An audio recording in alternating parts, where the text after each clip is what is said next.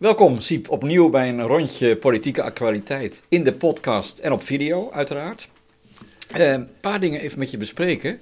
Wat heel Nederland natuurlijk bezighoudt is het energieplafond. Nou hadden we deze maand, begin deze maand, een heel debat met Sigrid Kaag, haar eerste optreden als minister van Financiën. Toch maar even een rapportcijfer, wat, hoe, hoe deed ze het?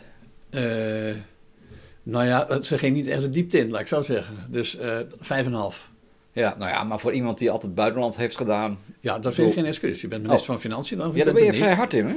Nou ja, wel, eh, dat iemand uh, niet alle diploma's heeft voor het ministerschap van Financiën vind ik, geen, uh, vind ik, vind ik nooit een excuus eerlijk gezegd.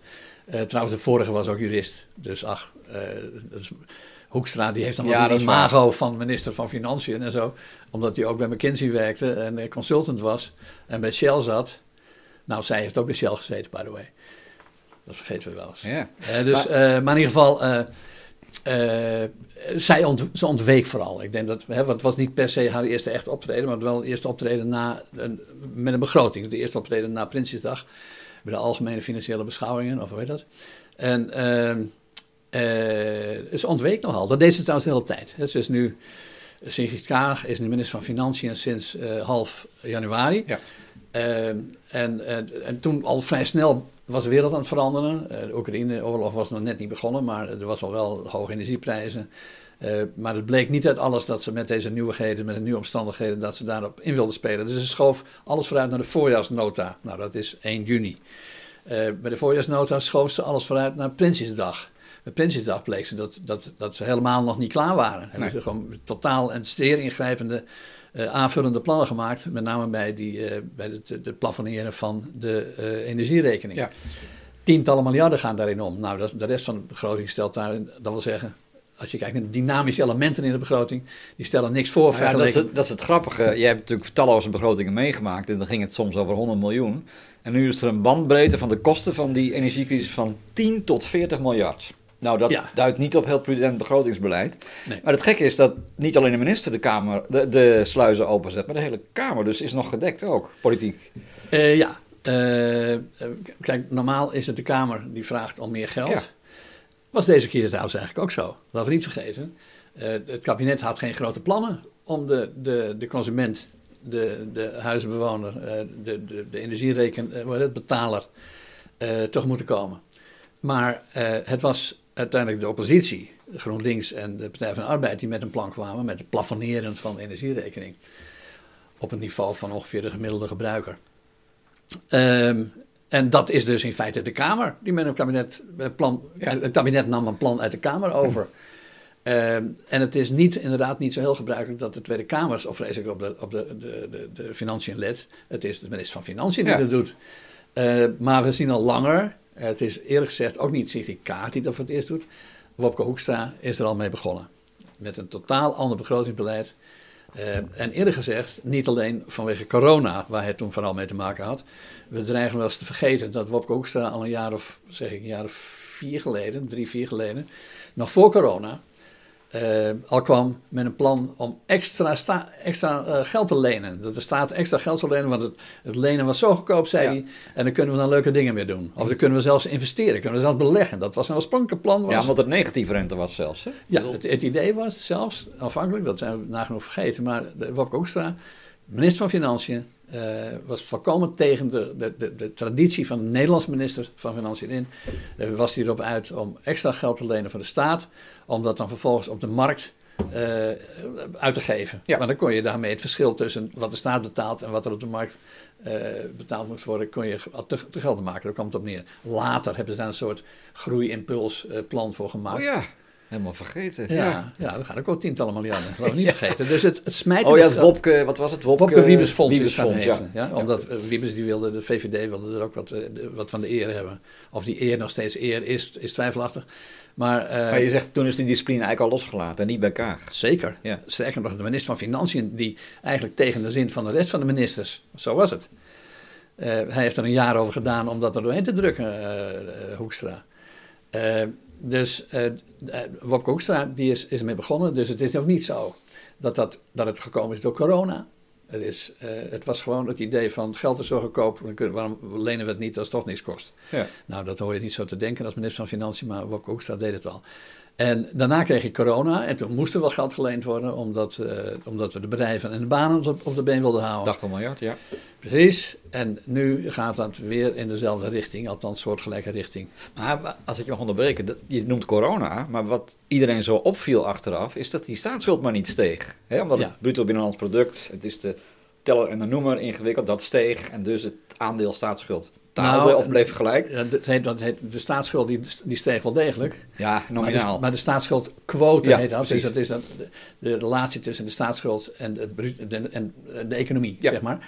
Uh, maar goed, daar, dat, daar, daar, kunnen we wel een kanttekening mee maken. Want die economie die wordt, die blijft, ondanks alle crisis van de laatste jaren, blijft die alles sinds behoorlijk op peil.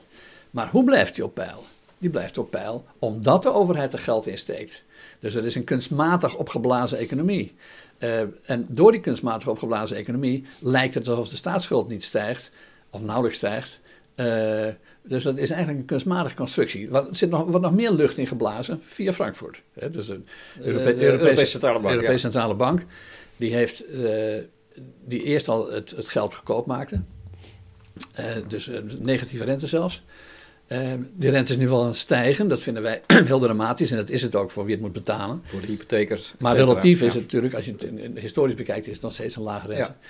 Ja. Uh, en diezelfde Europese Centrale Bank die beoogde om de inflatie uh, te verhogen. Dat is een van de merkwaardige draaipunten in de geschiedenis. De Europese Centrale Bank, die vanuit Duitse en Nederlandse optiek maar één opdracht had, namelijk de inflatie laag te houden die bedacht zelf, uit zichzelf, dat de inflatie uh, hoger moest. Die moest naar 2%, hè, de doelstelling. Of, of zelfs even, even, ze bleken niet in paniek te raken toen het hoger was in 2%. Ja. En waarom deden ze dat? Dat deden ze om daarmee uh, Italië in de Europese in, in, de euro te houden, kun je zeggen. Dat was gewoon de drijfveer.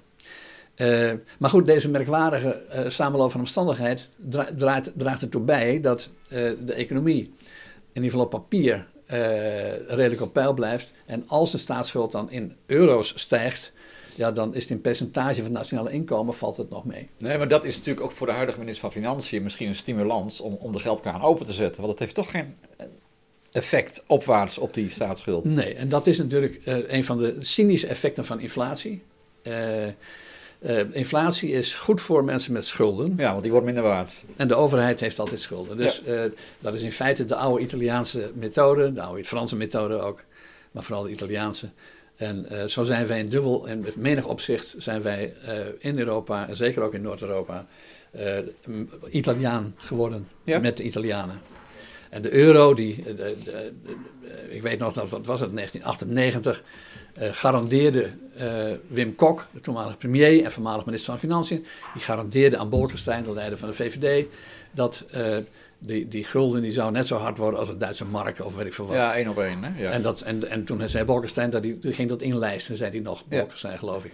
Nou ja, die tijd zijn we natuurlijk echt, uh, die waren wel lang voorbij, maar die zijn ja. echt helemaal totaal voorbij. Ja. Maar even, even terug naar uh, uh, die, die financiën, dat, dat energieplafond.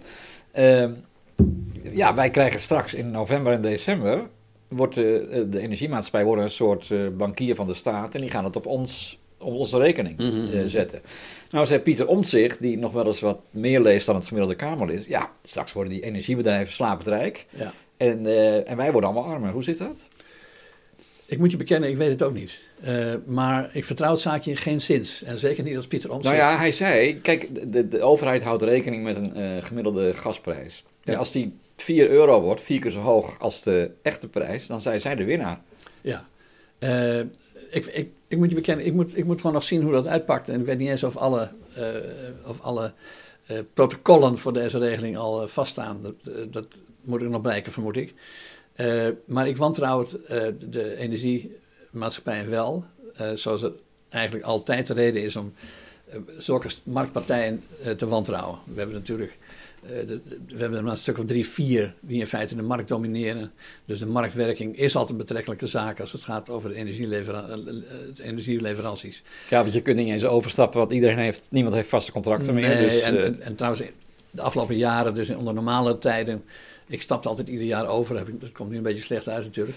Maar dan dan maakte ik wel eens van die vergelijkingen uh, van de een en de ander. En die de, de, verschillen waren zo klein dat je wel kon zien ja. dat ze of elkaar volgden of dat ze stiekem afspraken maakten. Hetzelfde gedonder heb je natuurlijk in Nederland met heel veel dank. We hebben een relatief kleine markt, een overheid die er niet heel scherp op let.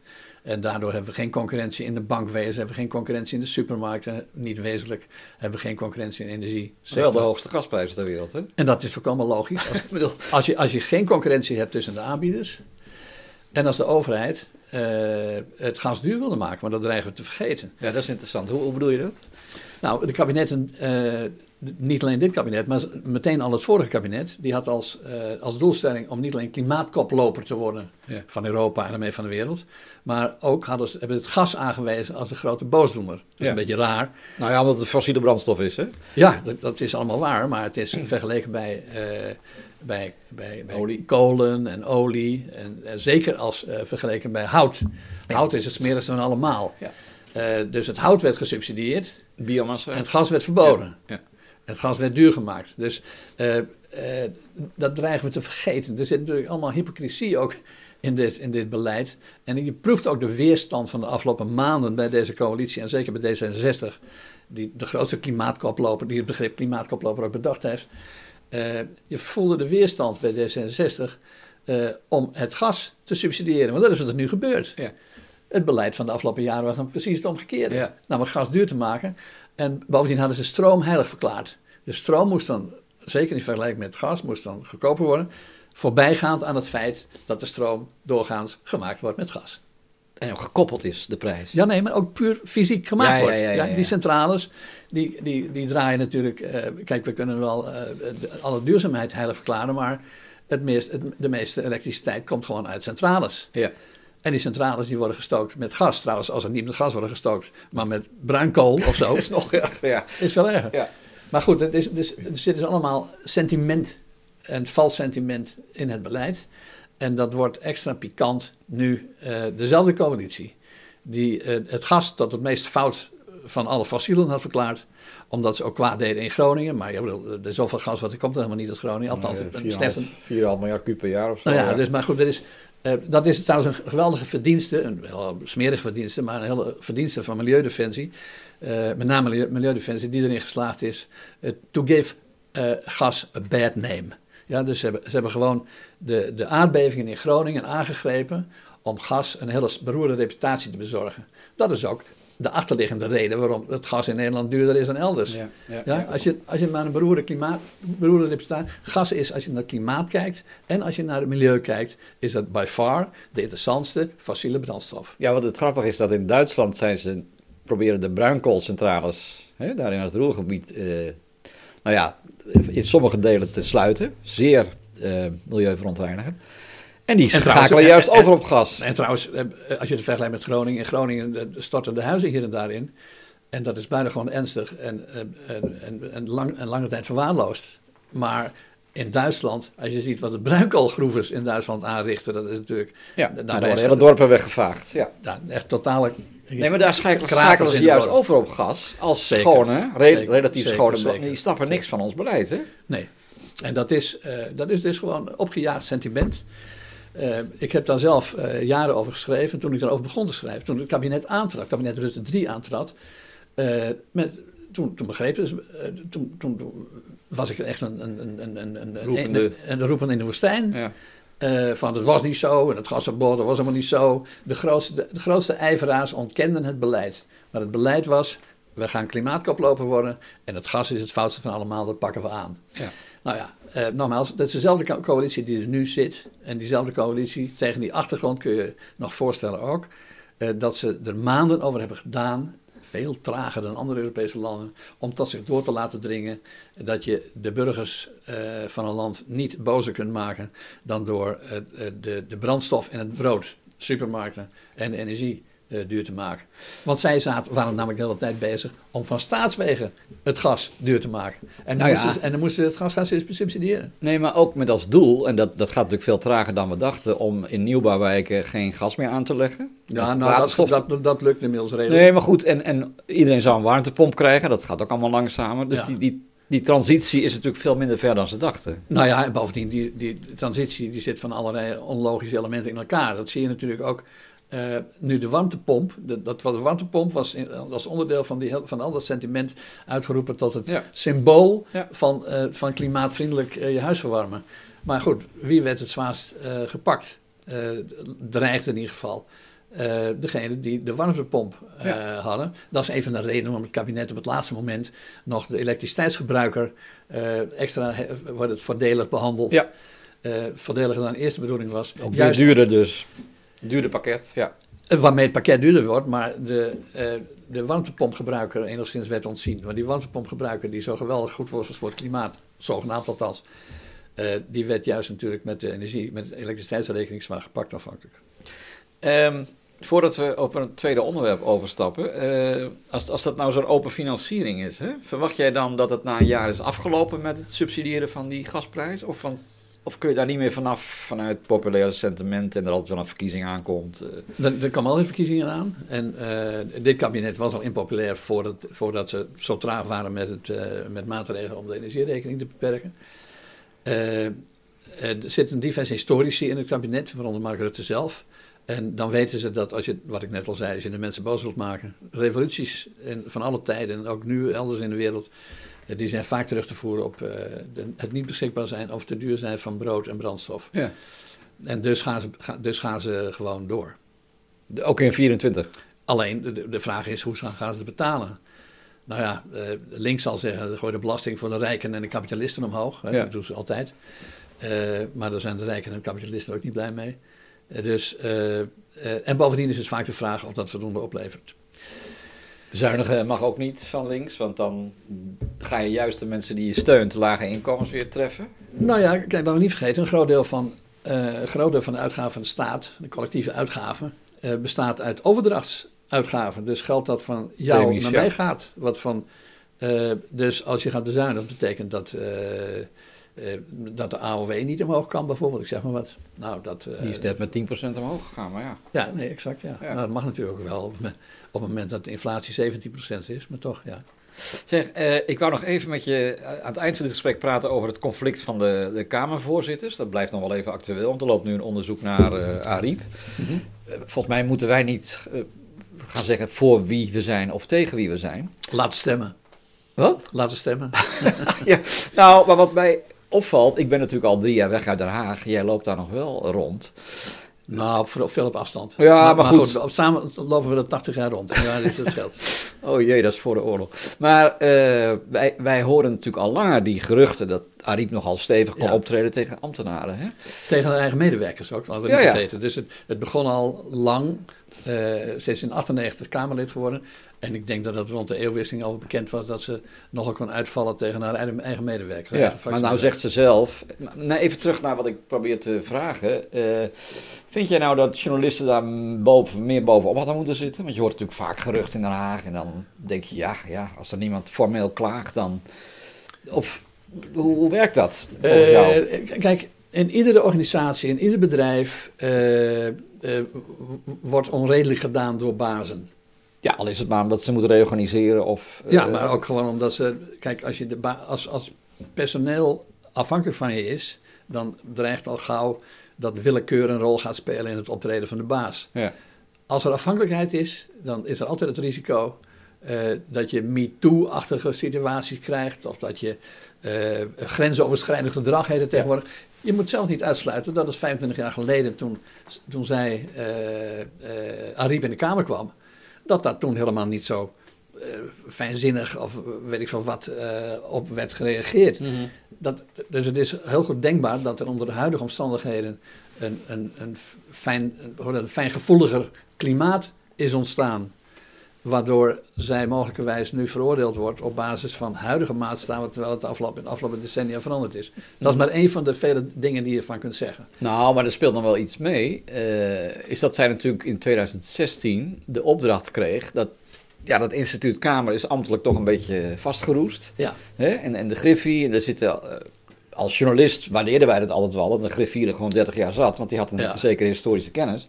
Maar het betekent ook dat de organisatie niet heel lean en mean was en niet heel modern. Nee, en, Dus zij moest wel en, ingrijpen. En, en, dat ze nogal, die neiging hadden ze altijd wel, een beetje voor zichzelf te werken. Ja. Afdelingjes werkten voor zichzelf, hadden soms eigen handeltje zelfs en dat type dingen. En kennelijk heeft men aanleiding gezien om haar de opdracht gegeven, toen hij die Kamervoorzitter was, om er eens even naar de bezem te halen. Ja. Nou, dat, eh, ik geloof niet dat iemand een klacht over heeft dat ze dat op zich gedaan heeft, of eraan begonnen is. Nee.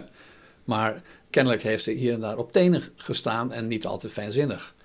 Nou, eh, kijk, ik vind het totaal belachelijk om daar, nu ze eh, anderhalf jaar weg is, nog een keer onderzoek te gaan doen naar wat er aan vreselijkheden gebeurd zouden zijn in de tijd dat ze Kamervoorzitter was. Ja, maar daar heeft het presidium ook weer een reden voor. Althans, dat heb ik begrepen. Dat ambtenaren die blij waren dat ze weg was als voorzitter, nu ze voorzitter van de coronacommissie zou Ja. worden, weer met haar moesten werken. Dat Ja, is maar het dat, verhaal. maar nee, maar dat vind ik alleen maar nog veel erger. Waarom?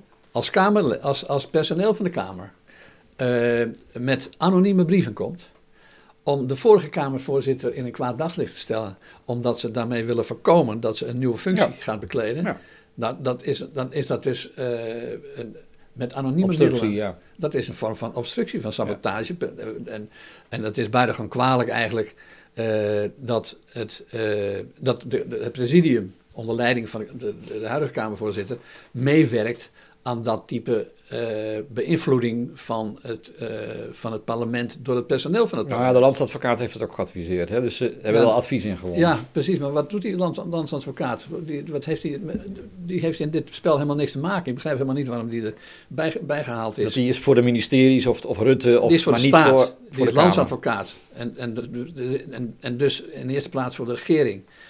Eh, dat is helemaal niet vanzelfsprekend dat het parlement, de volksvertegenwoordiging, de, de, de, de wetgevende macht in de klassieke eh, achter de, de, landsadvocaat, dus het eerste wapen in feite van de regering, inzet voor deze operatie. Maar ik wil nog even dat, dat element van die anonieme brief. Gelukkig zag ik vandaag in de krant toevallig dat daar ook elders in de journalistiek aandacht voor is. Het, is een, het is buitengewoon treurig dat je, eh, dat je gewoon anonieme brieven kunt sturen. Je ziet het ook elders, hè, dat, Ja. eh, op het Mediapark en eh, in andere bedrijven. Je hoeft alleen maar een anonieme brief te sturen. En, en je kunt zelfs een reeks anonieme brieven sturen. Dan lijkt het heel veel, terwijl het allemaal uit dezelfde bron kan zijn. Om op die manier de, de wereld, de zaken naar je, naar je zin te zetten. Ja. Of, of wraak te nemen of anderszins. Ik vind het onverteerbaar eerlijk gezegd. Maar we moeten ook vaststellen dat al die MeToo-achtige zaken met, met ongewenst gedrag, het Gijs van Dijk, Partij van de Arbeid, Gundogan, noem het maar op, nu Ja. met Ariep weer, het is altijd gedonder omdat er geen duidelijke regels zijn. Want die klagers, en dat zul je met me eens zijn, die moeten toch ook een zekere bescherming hebben. Want als je meteen naar de beschuldigde loopt, ja, dan eh, is het ook geen eerlijk proces. Dat is waar. oud... Dat is waar, dat is waar. Maar, en, en ik ben erg voor het beschermen van, eh, van mensen die in afhankelijke posities verkeren. En de kwetsbaarheden tegenwoordig ook. Eh, maar eh, je kunt ook van je, van je kwetsbaarheid een, eh, een business maken, zal ik maar zeggen. Ja. Een hefboom maken. En dat gaat naar mijn indruk wel erg. Nee, maar dat, simpel. dat zou nou juist onderzocht worden, of dit terecht was. En ja, je zit altijd met, moet ik het openbaar maken, wanneer? Er zou een gesprek met Arie plaatsvinden, maar dat is toen verzet en het, het lekt uit. Dat is natuurlijk ook... Ja, maar het, begint, het begint bij het begin. Wat wens je te bereiken met een onderzoek over eh, situaties die zich hebben voorgedaan in de jaren 2016 en 2021? Eh, eh, en trouwens, als dat zo vreselijk was, eh, hadden ze dan in die, in die tijd, de periode zelf, eh, dat presidium, dat is voor een deel hetzelfde, eh, hadden ze toen gesloten ogen. Eh, toen, toen waren er ook klachten. En toen was er geen reden om de landsadvocaat erbij te halen. nee, want toen hebben een aantal topambtenaren hun eigen conclusies getrokken. ja, Hè, onder andere de intern directeur en de griffier. ja. Die zijn nu vertrokken. Nou, maar goed, dat, eh, da- dat is allemaal treurig en, en vreselijk. Maar dat gebeurt vaker in organisaties. eh, dat mensen elkaar niet liggen. eh, of dat ze, dat ze een ander idee voor ogen hebben. Ik vind het. er is Het is, het is aan de ene kant te oninteressant, maar aan de andere kant is het Shakespeareaans of een Grieks drama. Er zitten zoveel elementen Ja. in. En, en eerlijk gezegd, vraag me wel eens af. Loop nou eens bij het presidium langs. Die mensen die daarin zitten. De, wacht even, het bestuur van de Tweede Kamer, waar de meeste grote fracties een vertegenwoordiger in hebben. Zo is het. Ja. Nou ja, en die hebben dus de, de, de vorige voorzitter, ook hun vorige voorzitter, die willen ze nou laten onderzoeken. Ja, dat, dat is de hele eh, kwestie. Maar de, de meeste zaten er toen ook al. Eh, wat, voor, wat voor beweegredenen hebben ze nu? En waarom hadden die beweegredenen eerder niet? Dus je kunt al die mensen langslopen. Nou, je hebt gezien bij Henk Nijboer is, eh, Uh, Kamergenoot van Ariep. Van Ariep, die, die zit natuurlijk helemaal in de spagaat. Maar die heeft als lid van het dagelijks bestuur, het presidium, uh, is hij voor het uh, onderzoek naar de vorige voorzitter, die tevens een partijgenoot en fractiegenoot is. Nou ja, het is dan fantastisch eigenlijk voor een toneelstuk. En voor een, een Grieks drama of iets Shakespeareaans. Maar dat geldt voor meer personen in het, in het, in het hele verhaal. Dus uh, en, en, ja, om te beginnen natuurlijk de huidige voorzitter, die uh, een buitengewoon beroerde relatie al had met mevrouw Ariep, haar voorgangster. Dus ja. Nou ja, maar daar kan ze zelf niks aan doen, want er wordt vermoed dat er een opzetje was tussen Rutte en Kaag om Ariep opzij te zetten. Dat is zeker, nee, dat, dat uit geen twijfel. En dan kan je Bergkamp moeilijk kwalijk nemen. Ik bedoel, ja, die kwam toen naar voren als de, de gewenste Kamervoorzitter. Nou, dat zou ik kunnen zeggen. Uh, maar dat, dat, dan komen we weer op een, een, een, op een ander aspect waar niemand het over heeft, maar waar ik het graag over heb. En dat, is, en dat luidt dat uh, Bergkamp, Vera Bergkamp, de huidige Kamervoorzitter, die toch wel onder druk staat, uh, die heeft haar positie wellicht te danken aan het feit, niet alleen omdat ze Ariep niet wilde hebben. Kijk, toen, uh, Mark Rutte die lag natuurlijk op zijn rug op Goede Vrijdag 2021. En, en datzelfde weekend, het paasweekend, toen hebben Rutte en Bergkamp, sorry, Sigrid Kaag, zij als partijleiders kun je wel zeggen, hebben ze de deal gemaakt dat, uh, dat Vera Bergkamp van D66 de nieuwe Kamervoorzitter zou worden. Nou, zo is het ook gegaan. Uh, maar die deal die speelde zich af tegen de achtergrond dat Rutte zwak was en Kaag sterk. Ja. En dat was, kun je ook zien als het begin van de coalitievorming, waar Rutte de hele tijd alles weggaf ja. en D66 alles won.